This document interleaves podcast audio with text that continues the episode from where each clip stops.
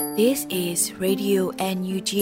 the voice of National Unity Government of Myanmar, broadcasting for Myanmar's Spring Revolution. Radio NUG is transmitting from shortwave 16 meter 17.79 megahertz at 8:30 a.m. and 25 meter 11.94 megahertz at 8:30 p.m. Myanmar Standard Time. မင်္ဂလာပါရှင်အမျိုးသားညီညွတ်ရေးအစိုးရရဲ့အတန်လွတ်ဌာနရေဒီယို NUG ကိုမန္တပိုင်း၈နိုင်ခွဲမှာလိုင်းတူ6မီတာ19.7ခွန်ကုန်းမဂါဟတ်စ်နဲ့ညပိုင်း၈နိုင်ခွဲမှာလိုင်းတူ25မီတာ17.6ကိုလီမဂါဟတ်စ်တို့မှာဓာတ်ရိုက်ဖမ်းယူနားဆင်နိုင်ပါပြီရှင်မင်္ဂလာအပေါင်းနဲ့ကြိတ်ဆုံကြပါစေအခုချိန်ကစပြီးရေဒီယို NUG စီစဉ်လေးကိုဓာတ်ရိုက်အတန်နဲ့ပေးနေပါပြီ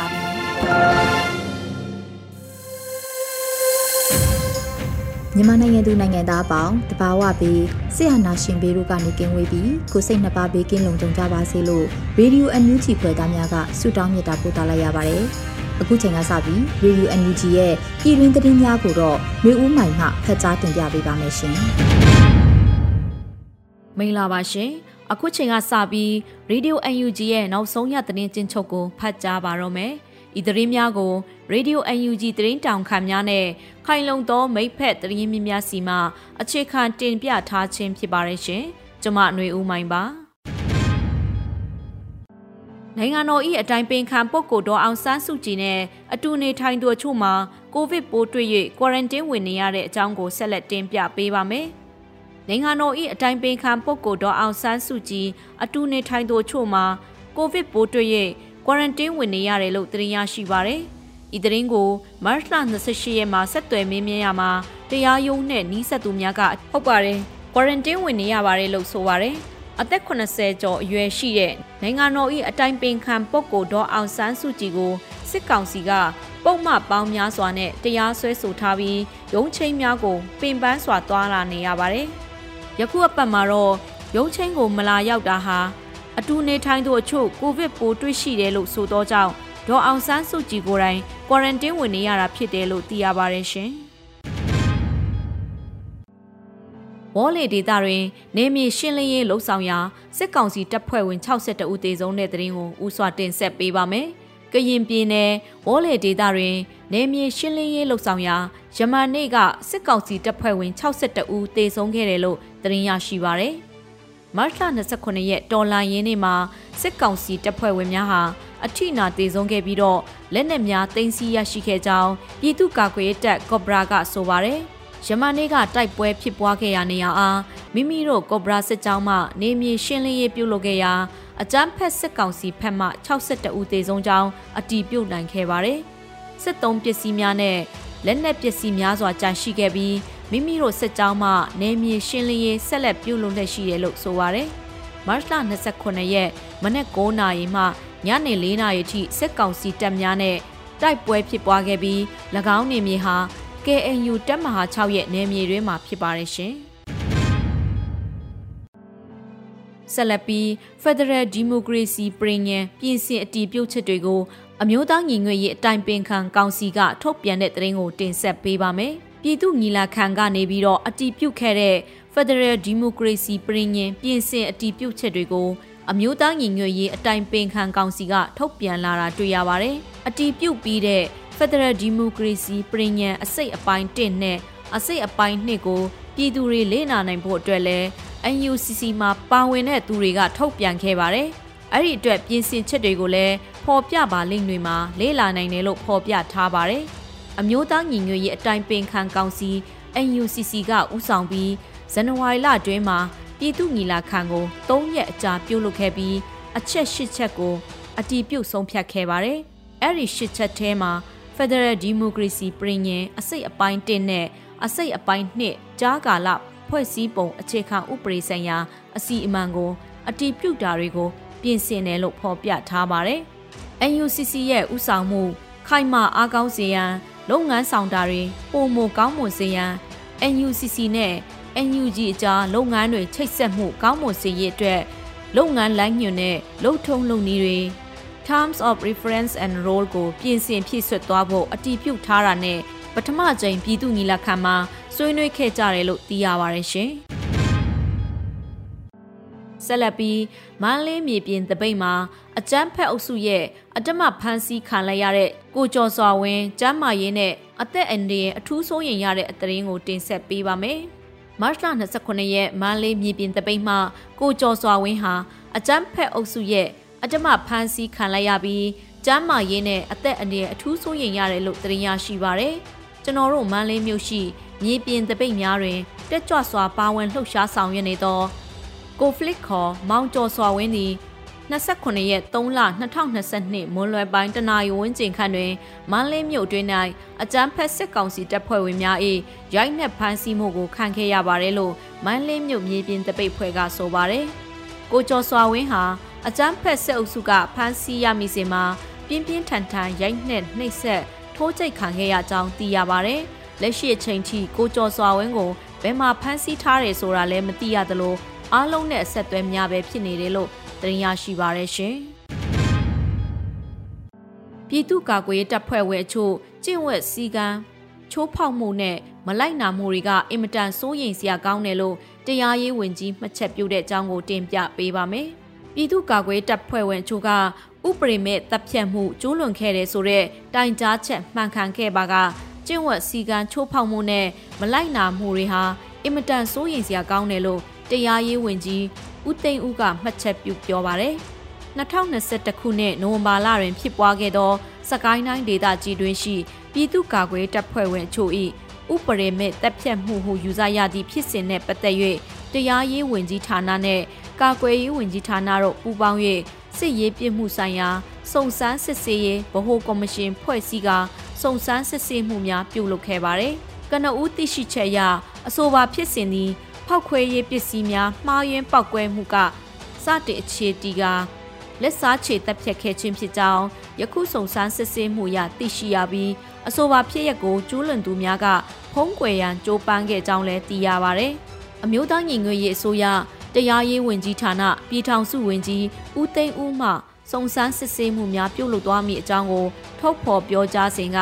အကယ်၍ဒီဆွဆွဲချက်ကသာမှန်ကန်ခဲ့တယ်ဆိုရင်တော့ ကျင့်ဝတ်စည်းကမ်းချိုးဖောက်မှုနဲ့မလိုက်နာမှုတွေဟာအင်မတန်စိုးရိမ်စရာကောင်းပါတယ်။ဒါအပြင်ဒီလိုမလျော်ဩဇာသုံးခြင်းဟာအပြစ်မဲ့တဲ့အရက်သားပြည်သူတွေကို အကာအကွယ်ပေးရမည့်ပြည်သူ့ကာကွယ်တပ်ဖွဲ့တွေအတွက်အမဲဆက်ဖြစ်သွားနိုင်ပါတယ်လို့ဆိုပါတယ်။အဆိုပါဖြစ်စဉ်ဟာရမပင်မျိုးနယ်ဆရာဆန် YMB PDF ရဲ့ရွာဒေတာခန်တပ်ဖွဲ့ကလှုပ်ဆောင်ခဲ့တာဖြစ်တယ်လို့ကနအူးစုံစမ်းတွေ့ရှိချက်တွေဖော်ပြထုတ်ပြန်ထားပါတယ်။ ဒေသခံကာကွယ်တပ်ဖွဲ့ခေါင်းဆောင်တအုပ်ဖြစ်သည့်ဗိုလ်သားမဏိကထိုတုတ်တပ်ဖြတ်ရန်အမိန့်ပေးခဲ့မှုမျိုးမရှိခဲ့တော့လဲအဆိုပါဖြစ်စဉ်နဲ့ပတ်သက်၍တချို့သောလက်အောက်ငယ်သားတပ်ဖွဲ့ဝင်တွေအနေနဲ့ကတော့ဒေါသမထိန်နိုင်တို့ဒီလိုဖြစ်ရမျိုးကိုကျူးလွန်မိတာဖြစ်နိုင်ကြောင်းအပြစ်ရှိကြောင်းစစ်ဆေးတွေ့ရှိပြီးပြည်တံချမှတ်ခံရရင်လည်းဒီဖြစ်စဉ်ရဲ့အကျိုးဆက်တွေကိုမိမိအနေနဲ့ရင်ဆိုင်ဖို့အသင့်ပါပဲလို့ပြောဆိုထားပါတယ်။အကယ်၍ခိုင်လုံသောတသက်များစစ်ဆေးတွေ့ရှိခဲ့ပါက ပြစ်မှုစစ်ဆေးစီရင်ခြင်းများပြုလုပ်သွားမည်ဖြစ်ပြီးပြစ်မှုထင်ရှားပါကထိုက်တင်သောပြစ်ဒဏ်များချမှတ်သွားမည်ဖြစ်တယ်လို့ UNG အစိုးရကထုတ်ပြန်ထားပါတယ်ရှင်။ဆက်လက်ပြီးမိုင်းဆွဲမှာကြောက်လို့အတင်းမောင်းပြေးတဲ့စစ်ကောင်စီတပ်စစ်ကားနော်ထိုးကြီး PDF မိုင်းခွဲလို့နှစ်ဦးသေဆုံးတဲ့အကြောင်းကိုဆက်လက်တင်ပြပေးပါမယ်။မတ်လ28ရက်မနက်10:00နာရီမိနစ်20ခန့်မှာနော်ထိုးကြီးနယ်ပဲချက်ရွာတောင်ဘက်ကို ဖြတ်တန်းလာတဲ့စစ်ကားဟာမိုင်းဆွဲမှာကြောက်လို့အတင်းမောင်းပြေးရာနထိုးကြီး PDF မိုင်းခွဲလို့နှစ်ဦးသေဆုံးခဲ့ပါတယ်။အခုလိုမိုင်းဆွဲတိုက်ခတ်ခဲ့တယ်လို့နထိုးကြီး People Defense Force ကဆိုပါတယ်။မိုင်းဆွဲမှာကြောက်လို့အတင်းမောင်းနေပေါ့အတင်းမောင်းတော့ကွက်တိဆွဲမိသွားတာကတော့စိတ်မကောင်းပါဘူးဗျာ။ March 28ရက်မနေ့10:20အချိန်ဘဲချက်ရွာတောင်ဘက်တွင်စစ်ကားအသေးတစီအား MPDF အဖွဲ့သားများမှမိုင်းဆွဲတိုက်ခတ်ခဲ့သောကြောင့်မုံဟင်းကားနှစ်ပွဲဖြစ်သွားတယ်လို့အတွင်းသတင်းရရှိတယ်လို့ဆိုထားပါတယ်။တိုက်ခိုက်မှုမှာရဲဘော်များအထိခိုက်မရှိဘူးလို့နထိုးကြီး People Defense Force ကသိရှိရပါတယ်ရှင်။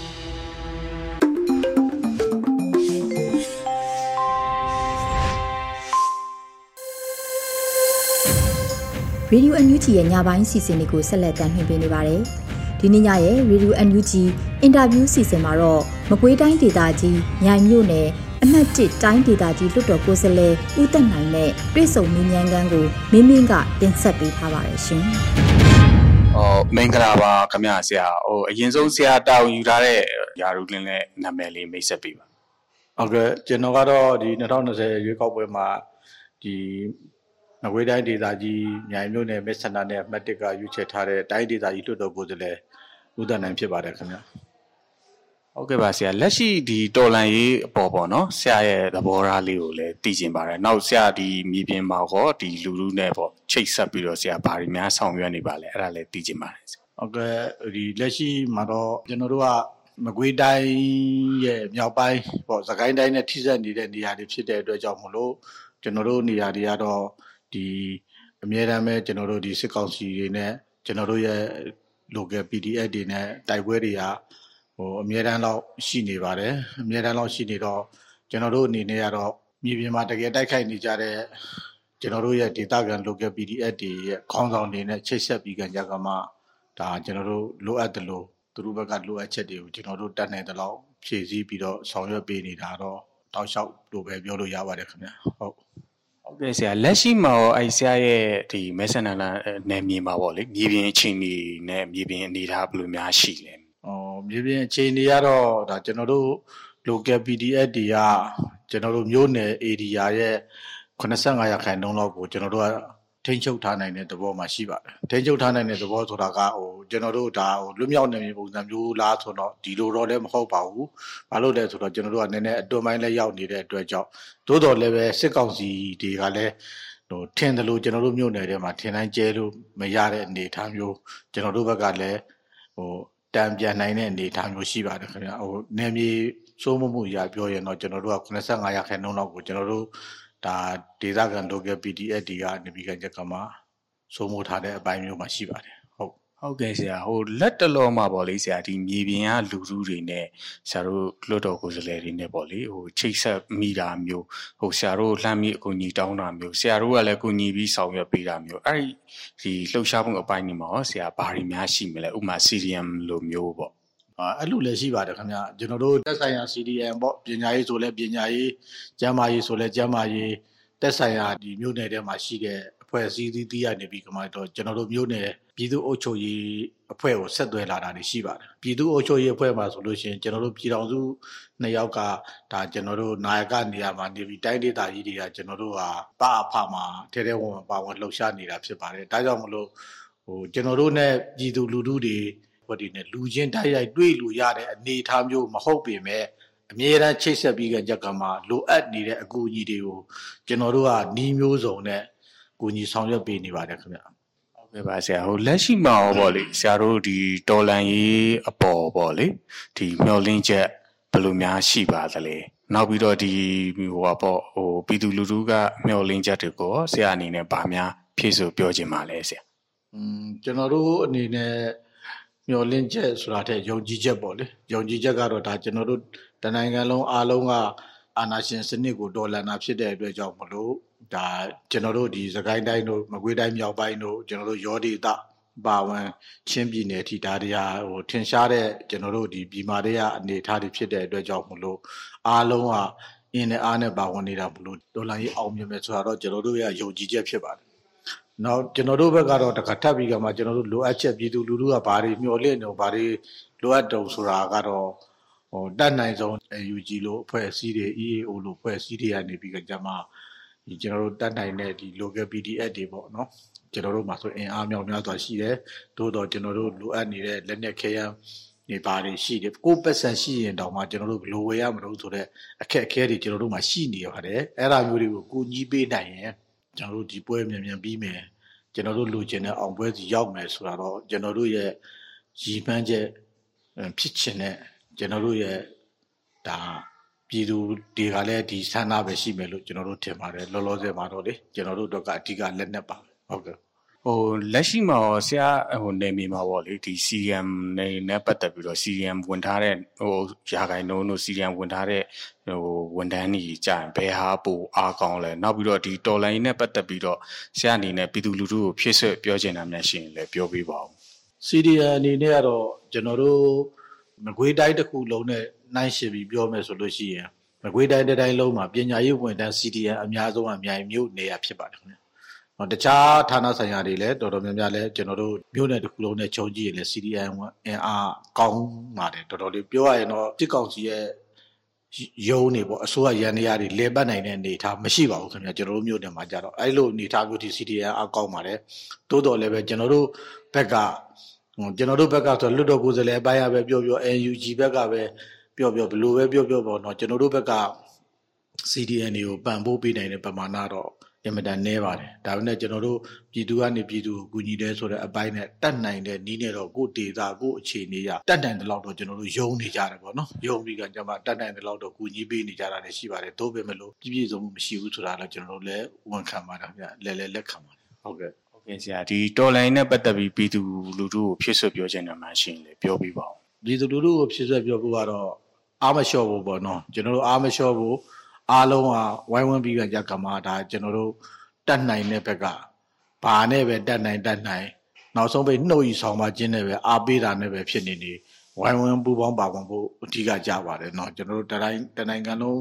တကဘာလုံးမှာရှိတဲ့ဟာတွေနဲ့နှိုင်းရှင်ပြောမယ်ဆိုရင်တော့ကျွန်တော်တို့အဓိကကတော့ကျွန်တော်အမြင်ပြောရရင်တော့ဘွင်များများရောက်အောင်မှာကျွန်တော်တို့အောင်မြင်မှုကမြန်မြန်ပြီးမယ်လို့ကျွန်တော်အဲ့ဒါတော့ယုံကြည်ပါတယ်ဒါကြောင့်တတ်နိုင်သမျှ ငွေကြေးချမ်းသာသူတွေရောမချမ်းသာတဲ့သူရောအားလုံးကဘွမ်းကိုများများဝယ်ပေးကြဖို့ကျွန်တော်အနေနဲ့တော့မြစ်တရက်ခန့်ချင်ပါတယ်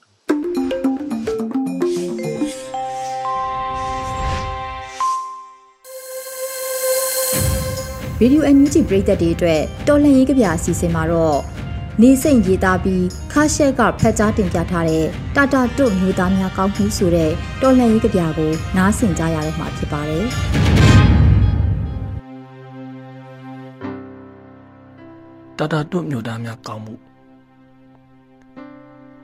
လိန်ငင်းကိုထွေးပွေထားလို့မရမိတောင်ကဖောက်ထွက်လာတဲ့ဒေါသအနက်ချိုင်းဆုံးတွင်းတဲ့အထိခုန်ချအမြင့်မားဆုံးနေရာမှာတက်ချိတ်နေတဲ့ကျယ်ဝန်းကျင်ဘဒုတွေအသက်ရှူရရက်ကြံခဲ့သူတွေဆက်ပြီးအသက်ရှူနေတယ်လွတ်လပ်ရေးကြောက်တိုင်ကြီးမမရက်နေတယ်တာတာတွတ်မြို့တော်မှာတာတာတွတ်မြို့သားတွေစုပ်လဲစု စားလဲယူဟေးဟေးအပင်းသွင်းခေါ်စာအရသာတွေးနေသူတွေရဲ့တားသက်သမားကိုဖျားထိုးနေသူတွေရဲ့တမိုင်းကအယူမီဝိုင်းခက်လီတော့အပိုင်းပိုင်းပြက်ကျူပင်ခုတ်ကျုံငုံမကြံစင်တဲ့စကပုံဟာမဆာလာလက်ကျန်ဟင်းချက်နေတခုပလာဇာမှာခလုတ်တိုင်းမိသူမှန်သမျှနပိုလီယန်ဖြစ်ရှင်သူတွေကြီးဟစ်တလာဆွချုံတော့ကိုဝင်ရစ်မာနဲ့ကြံရည်သူဟာဘာလင်မျိုးကြီးဘန်းစင်ဘန်ကို ကိုကိုကိုတက်တည်သွားလဲအဝါရောင်နေကြပန်းတွေစပ်ပွင့်တယ်တာတာတို့မျိုးသားတွေရှိဟတ်ထိုးလဲကြတဲ့အဝါရောင်တွေဥကချစ်စိတ်တွေပြင်းပြလာပါတယ်အခုပြောနေတာနိုင်ငံတော်မိန့်ခွန်းလားမိုးလေဝသအရေးပေါ်သတင်းလားနေစိတ်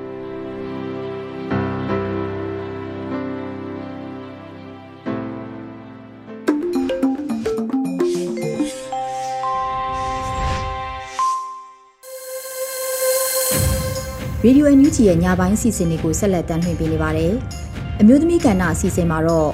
တော်လန်ကြီးရဲ့အောင်မြင်ခြင်းအလှကဘာဆိုတဲ့အစီအစဉ်ကိုတော့ Flora Ham ကတင်ဆက်ပေးထားပါတယ်ရှင်။ကျမကတော့ Flora Ham ပါရှင်။အန်ယူဂျီရဲ့ယဉ်ကျေးမှုဝန်ကြီးဌာနမှ CDM တဦးလည်းဖြစ်ပါတယ်။ CDM များရဲ့အခန်းကဏ္ဍကိုဖော်ဆောင်ရမှာဆိုလို့ရှိရင်အမျိုးသမီးများနဲ့ကလေးသူငယ်များရဲ့စိတ်သက်ခွန်အားကြံ့ခိုင်မှုနဲ့ fancy activity အတွက်ဖော်ဆောင်သည့်လုပ်ငန်းများမှာအထူးလေးပေးပူးပေါင်းပါဝင်ဆောင်ရွက်ခဲ့ပါတယ်။ဒါ့အပြင်ကရင်နီစစ်ဘေးရှောင်ပြည်သူများ၏မိသားစုများရဲ့အခက်အခဲရင်ပွင့်စကားသံများသတင်းချက်လက်များပေးပို့သည့်ကဏ္ဍကိုပူးပေါင်းဆောင်ရွက်ခြင်း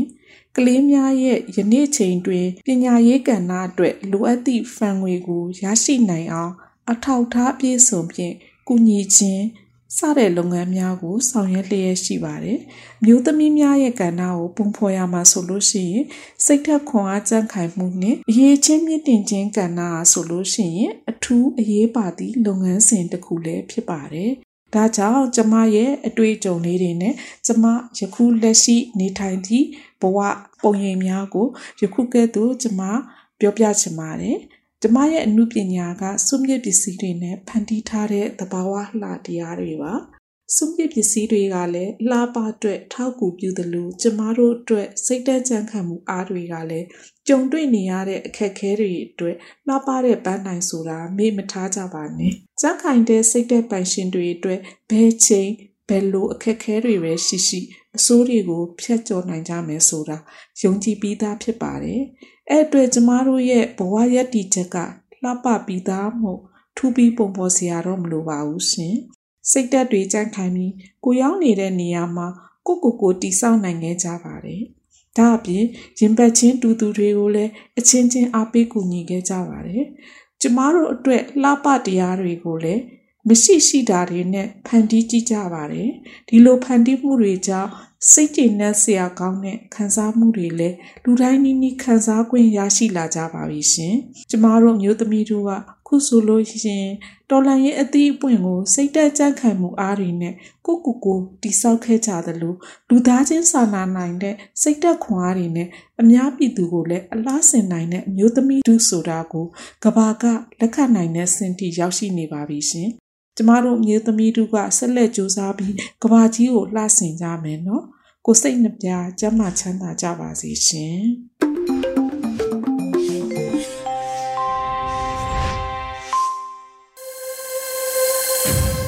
အခုဆက်လက်ပြီးရဲတပ်တပည့်မိုးလေဝသခန့်မှန်းချက်အစီအစဉ်အနေနဲ့28ရက်3လ2022ခုနှစ်မှ3ရက်4လ2022ခုနှစ်အထိ တပတ်အတွင်းမိုးလေဝသသတင်းများကိုတော့ရန်နိုင်မှဖတ်ကြားတင်ပြပေးပါမယ်ရှင်။2022ခုနှစ်မတ်လ28ရက်နေ့မှဧပြီလ3ရက်နေ့ထိမိုးလေဝသအခြေအနေများကိုကျွန်တော်ရန်နိုင်ကတင်ဆက်ပေးပါတော့မယ်။ယခုရက်သတ္တပတ်အတွက်သတိပြုရမှာဧပြီလ2ရက်နေ့မှာထိုင်းပင်လယ်ကွေ့မှာအစာပြိုးတဲ့လေဝေလိုင်းတစ်ခုဟာဧပြီလ3ရက်နေ့မှာ တနင်္သာရီကမ်းမြောင်ကိုဖျက်ကျော်ပြီးကပလီပင်လယ်ပြင်ကိုရောက်လာနိုင်ပါတယ်။ဧပြီလ၄ရက်နေ့မှာဆက်လက်အားကောင်းလာနိုင်ပြီးမုန်တိုင်းငယ်အဆင့်ရောက်ရှိလာနိုင်ပါတယ်။မုန်တိုင်းငယ်ဟာဧပြီလ6ရက်နေ့ကမှမော်ဒင်ဇွန်အနီးမှကပ်ပြီးအနောက်မြောက်စီသို့ရွေ့ရှားသွားနိုင်ပါတယ်။တီးခြားထုတ်ပြန်ချက်များဖြင့်ဆက်လက်အသိပေးပါမယ်။မုန်တိုင်းငယ်ကြောင့်ဧပြီလ3ရက်မှ6ရက်နေ့ထိတပြေလုံးနီးပါးမိုးများရွာသွန်းနိုင်ပါတယ်။ယခုနှစ်နွေကာလဟာ လာနီညာရဲ့အကျိုးဆက်ကြောင့်မုန်တိုင်းငယ်များလေဝေလှိုင်းများကြောင့်မတ်လ၊ဧပြီတပေါင်းတကူလများဟာမြမရာသီဥတုဖြစ်စဉ်မှာဆောင်းမုတ်တုံမှနှွေမုတ်တုံတို့ကူးပြောင်းရန်ကြားကာလတနည်းအားဖြင့်အသွင်ကူးပြောင်းကာလဖြစ်တဲ့အတွက်ဇိုးဝါပြင်းထန်တဲ့ရာသီမိုးတိမ်တောင်ကြီးများဖြစ်ပေါ်လာခြင်းမှမိုးထစ်ချုံခြင်းလေပြင်းတိုက်ခတ်ခြင်းမိုးကြိုးပစ်ခြင်းလျှက်စီးလက်ခြင်းနဲ့မိုးသီးကြွေခြင်းများဖြစ်ပေါ်နိုင်တဲ့ကာလဖြစ်ပါတယ်။လက်ရှိလာနီညာဖြစ်တန်စွာဟာ ဖေဖော်ဝါရီလချက်လက်များပေါ်မူတည်တွက်ချက်မှုအရ2022မတ်လဧပြီလမေလများအတွက်89မှ62ရာခိုင်နှုန်းအတွင်းအမြင့်ဆုံးမှတပြေးပြေးပြန်ရောကြမယ်လို့ခန့်မှန်းထားပါတယ်။လာနီညာအကျိုးဆက်အဖြစ်လာမယ့်2022 March April မေလများမှာပဲခူးတိုင်းရန်ကုန်တိုင်း AR တိုင်းကယားပြည်နယ်ကရင်ပြည်နယ်မွန်ပြည်နယ်နဲ့တနင်္သာရီတိုင်းတို့မှာအချိန်ကာမဟုတ်မိုးနဲ့မုတ်တုံအကျိုးမိုးများရွာသွန်းနိုင်ပါတယ်။ မလ28ရက်နေ့အတွက်ခံမှန်းချက်မှာမြန်မာနိုင်ငံထပ်ပိုင်းနဲ့လယ်ပိုင်းတို့မှာအနောက်အနောက်မြောက်လေများတိုက်ခတ်လာနေပြီးတောင်ပိုင်းဒေသများမှာတောင်အနောက်တောင်လေများတိုက်ခတ်နိုင်ပါတယ်။မိုးအခြေအနေမှာတနင်္သာရီတိုင်းမွန်ပြည်နယ်ရခိုင်ပြည်နယ်စကိုင်းတိုင်းထပ်ပိုင်းနဲ့ကချင်ပြည်နယ်တို့မှာနေရာကွက်ကြားမိုးထစ်ကြုံရွာနိုင်တာမှအပကြံတပြည်လုံးမှာတိမ်အထင်တင်ဖြစ်ထွန်းနိုင်ပါတယ်။မြန်မာနိုင်ငံလယ်ပိုင်းမှာနေပူချိန်များအနှဲငယ်မြင့်တက်လာနိုင်ပါတယ်။မြန်မာပင်လယ်ပြင်မှာ တောင်အနောက်တောင်ဘက်မှလေဟာတနင်္လာရီ9မိုင်မှ10မိုင်အထိတိုက်ခတ်နိုင်ပြီးလှိုင်းအနှဲငယ်ရှိနိုင်ပါတယ်။မလ29ရက်နေ့အတွက်ခံမှန်းချက်ကတော့မြန်မာနိုင်ငံထပ်ပိုင်းနဲ့လယ်ပိုင်းတို့မှာမြောက်အနောက်မြောက်လေများတိုက်ခတ်လာနေပြီးတောင်ပိုင်းဒေသများမှာအနောက်မြောက်လေများတိုက်ခတ်နိုင်ပါတယ်။မိုးအခြေအနေမှာတနင်္လာရီတိုင်းမွန်ပြည်နယ်ကင်းပြည်နယ်နဲ့စကိုင်းတိုင်းထပ်ပိုင်းတို့မှာနေရာကွက်ကြားမိုးတစ်ချုံရွာနိုင်တာမှအပကြံတပြေလုံးမှာတိမ်အသင့်တင်ဖြစ်ထွန်းနိုင်ပါတယ်။ မြန်မာနိုင်ငံလေပိုင်းမှာနေပူချိန်များအနှဲငယ်မြင့်တက်လာနိုင်ပါတယ်။မြန်မာပင်လယ်ပြင်မှာအနောက်မြောက်ဘက်မှလေဟာတနအီလ9မိုင်မှ10မိုင်ထိတိုက်ခတ်နိုင်ပြီးလှိုင်းအနှဲငယ်ရှိနိုင်ပါတယ်။မလ30ရက်နေ့အတွက်ခန့်မှန်းချက်မှာမြန်မာနိုင်ငံထပ်ပိုင်းနဲ့လယ်ပိုင်းတို့မှာမြောက်အနောက်မြောက်လေများတိုက်ခတ်လာနေပြီးတောင်ပိုင်းဒေသများမှာတောင်လေများတိုက်ခတ်နိုင်ပါတယ်။မိုးချိန်တွေမှာဒနင်္သာရီတိုင်းမွန်ပြည်နယ်၊ကင်းပြည်နယ်နဲ့ရခိုင်ပြည်နယ်မြောက်ပိုင်းတို့မှာ နေရာကွက်ကြားမိုးထစ်ကြုံရွာနိုင်တာမှအပဂျန်တပီလုံးမှာတိမ်အသင့်တင်ဖြစ်ထွန်းနိုင်ပါတယ်။မြန်မာနိုင်ငံလယ်ပိုင်းမှာနေပူချိန်များအနည်းငယ်မြင့်တက်လာနိုင်ပါတယ်။မြမပင်လယ်ပြင်မှာတောင်ဘက်မှလေဟာတနင်္လာနေ့9မိုင်မှ10မိုင်ထိတိုက်ခတ်နိုင်ပြီးလှိုင်းအနည်းငယ်ရှိနိုင်ပါတယ်။မလ31ရက်နေ့အတွက်ခံမှန်းချက်ကတော့မြန်မာနိုင်ငံအထက်ပိုင်းနဲ့လယ်ပိုင်းတို့မှာမြောက်အနောက်မြောက်လေများတိုက်ခတ်လာနေပြီးတောင်ပိုင်းဒေသများမှာအရှိအရှိတောင်လေများတိုက်ခတ်နိုင်ပါတယ်။ မိုးချီနေမှာတနင်္လာရီတိုင်းမွန်ပြည်နယ်ချင်းပြည်နယ်တို့မှာနေရာကွက်ကြားမိုးထစ်ကြုံရွာနိုင်တာမှအပကြံတပြည်လုံးမှာတိမ်အသင့်တင်ဖြစ်ထွန်းနိုင်ပါတယ်။မြန်မာနိုင်ငံလယ်ပိုင်းမှာနေပူချိန်များအနည်းငယ်မြင့်တက်လာနိုင်ပါတယ်။မြန်မာပင်လယ်ပြင်မှာတောင်ဘက်မှလေဟာတနင်္လာရီ9မိုင်မှ10မိုင်ထိတက်ခတ်နိုင်ပြီးလှိုင်းအနှဲငယ်ရှိနိုင်ပါတယ်။အေဘီလာတရက်နေ့အတွက်ခမန်းချက်မှာမြန်မာနိုင်ငံထပ်ပိုင်းနဲ့လေပိုင်းတို့မှာမြောက်အနောက်မြောက်လေများတိုက်ခတ်လာနေပြီး တောင်ပိုင်းဒေသများမှာအရှိအရှိတောင်လေများတိုက်ခတ်နိုင်ပါတယ်။ထိုင်းပင်လယ်ကွေ့အနီးလေထုမငြိမ်မသက်မှုဖြစ်စဉ်တစ်ခုဖြစ်ပေါ်လာနိုင်ပါတယ်။မိုးအခြေအနေမှာတနင်္လာရီတိုင်းမွန်ပြည်နယ်စကိုင်းတိုင်းထပ်ပိုင်းနဲ့ကချင်ပြည်နယ်တို့မှာနေရာကွက်ကြားမိုးထစ်ချုံရွာနိုင်တာမှအပကြံတပြည်လုံးမှာတိမ်အသင့်တင်ဖြစ်ထွန်းနိုင်ပါတယ်။မြန်မာနိုင်ငံလေပိုင်းမှာနေပူချိန်များအနှဲငယ်ပြန်ရောကျလာနေပါတယ်။မြမပင်လယ်ပြင်မှာ အရှိအရှိတောင်ဘက်မှလီဟာတနအီလ9မိုင်မှ10မိုင်ထိတိုက်ခတ်နိုင်ပြီးလှိုင်းအနှဲငယ်ရှိနိုင်ပါတယ်။အေဘီလာနေ့ရက်နေ့အတွက်ခမန်းချက်မှာ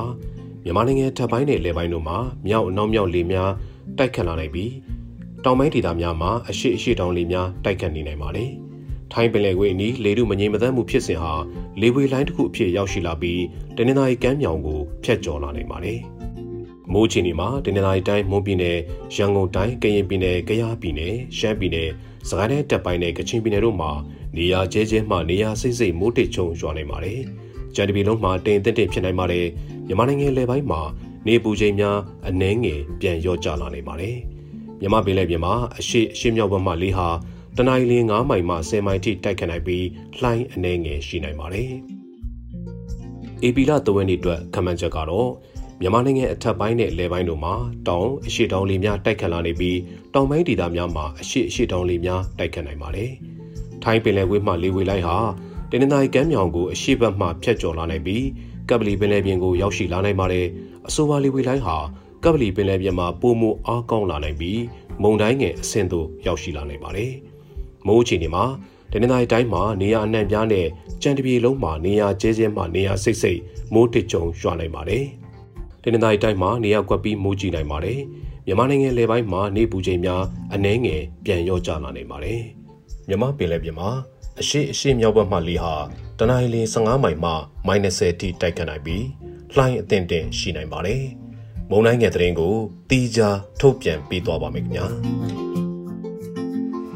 တရားမှုကိုစန့်ကျင်သောရေ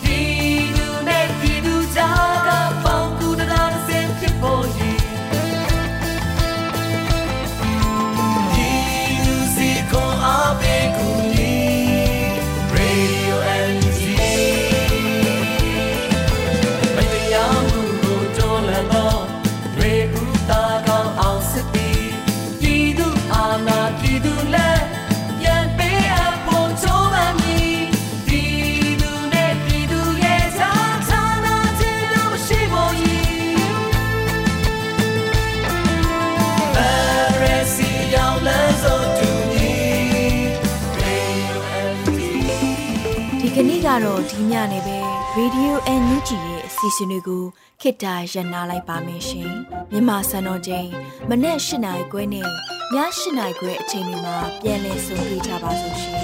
Radio NUG ကိုမနေ့ပိုင်း၈နိုင်ခွဲမှာလိုင်းတူ16မီတာ19တက်တမခုကူမဂါဟတ်နဲ့ညပိုင်း၈နိုင်ခွဲမှာလိုင်းတူ25မီတာ17တက်တမ9မဂါဟတ်တို့မှာဓာတ်ရိုက်ဖမ်းယူနားဆင်နိုင်ပါပြီရှင်။ မြန်မာနိုင်ငံသူနိုင်ငံသားများကိုစိတ်နှဖျားစမ်းမချမ်းသာလို့ဘေးကင်းလုံခြုံကြပါစေလို့ Radio NUG ရဲ့ဖွဲ့သူဖွဲ့သားများကဆုတောင်းလိုက်ရပါတယ်။ San Francisco Bay Area အခြေစိုက်မြန်မာမိသားစုများနိုင်ငံတကာကစေတနာရှင်များလိုအားပေးများရဲ့ Radio NUG ဖြစ်ပါတယ်ရှင်။အရေးတော်ပုံအောင်ရမည်